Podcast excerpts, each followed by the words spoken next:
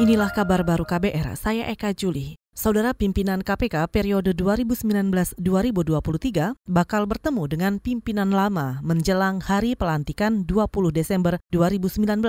Wakil Ketua KPK baru Lili Pintauli Siregar mengatakan pertemuan akan digelar pada 17 hingga 19 Desember mendatang. Menurutnya, dalam pertemuan itu, pimpinan baru akan mendapat masukan dan penjelasan tentang pekerjaan dan utang kasus yang belum rampung. Dan karena sebelum purna mereka, mereka paling tidak bisa menjelaskan apa-apa kepada pimpinan baru. Jadi uh, tongkat estafetnya bisa tidak putus, walaupun nanti misalnya lebih pendalaman pada substansi itu adalah orang-orang di struktural. Tapi kan kita sebagai pengambil keputusan nih kan, bukan eksekutornya kita, tapi kan membuat keputusan-keputusan kita butuh masukan uh, dari banyak pimpinan yang lama. Wakil Ketua KPK periode 2019-2023 Lili Pintauli Siregar menyebut bakal mulai aktif bekerja pada 26 Desember 2019. Bekas pimpinan LPSK ini juga berjanji bakal bekerja maksimal memberantas korupsi.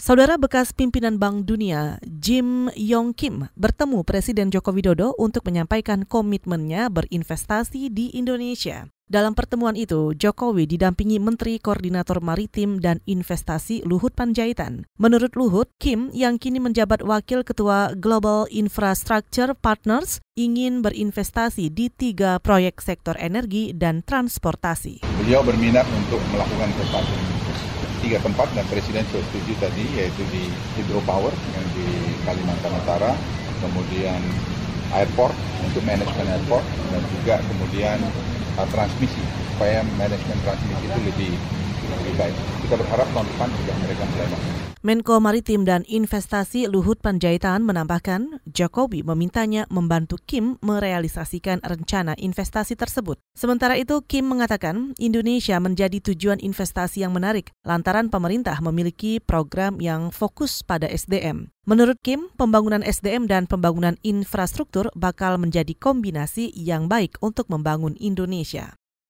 Saudara Menteri Agama Fahrul Razi tengah menggencarkan kampanye moderasi agama ke berbagai wilayah, termasuk ke luar negeri. Kata dia, kampanye ini sebagai upaya untuk menangkal radikalisme yang menjadi ancaman bagi keutuhan negara. Fahrul mencontohkan Arab Saudi yang juga tengah mengharmoniskan antara identitas agama dan kebangsaan. Pada saat keluar pun saya banyak mengkampanyekan moderasi. Kemarin waktu saya ke Saudi Arabia juga saya banyak cerita tentang moderasi dan sepertinya Saudi juga melakukan hal-hal yang mirip-mirip juga dengan yang kita lakukan di sini. Masalah moderasi beragama ini sudah menjadi program dunia Islam. Sebagai contoh, Saudi mengangkat bahwa peningkatan atau penguatan identitas keagamaan Islam dengan nation harus menjadi satu kotak.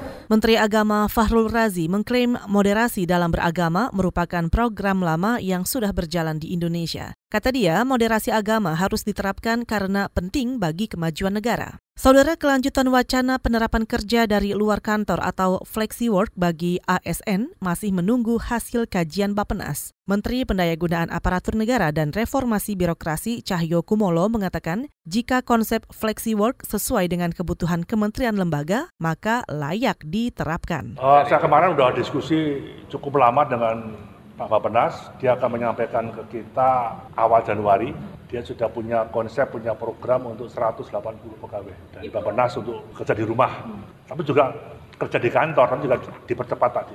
Itu tadi Menteri PAN RB Cahyo Kumolo. Sebelumnya, sistem kerja dari luar kantor atau flexi work tengah diuji coba di Bapenas. Mekanisme kerjanya terbagi atas dua shift, yakni pukul 6 pagi hingga pukul 2 siang. Diutamakan untuk ASN perempuan dan pukul 2 siang hingga 10 malam untuk ASN laki-laki. Saudara kita ke berita olahraga, ganda campuran Indonesia Hafiz Faisal dan Gloria Wijaya tersingkir dari final Tour Dunia BWF 2019. Pada laga penentuan hari ini, Hafiz Gloria menyerah atas wakil Jepang Yuta Watanabe dan Arisa Higashino dua set langsung 14-21, 12-21. Dengan hasil ini, maka sektor ganda campuran tidak meloloskan satu wakil pun ke semifinal. Sebab Fraven Jordan dan Melati Oktavianti juga kandas setelah menelan tiga kali kekalahan. Saudara demikian kabar baru, saya Eka Juli.